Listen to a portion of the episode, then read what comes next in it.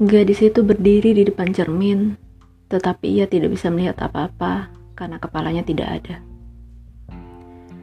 Sudah berhari-hari ia hidup tanpa kepala.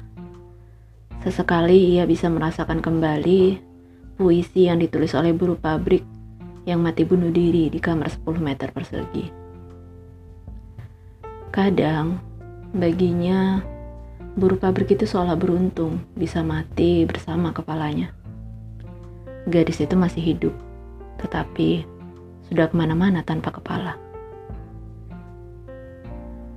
Dulu, melepas kepala adalah cita-citanya.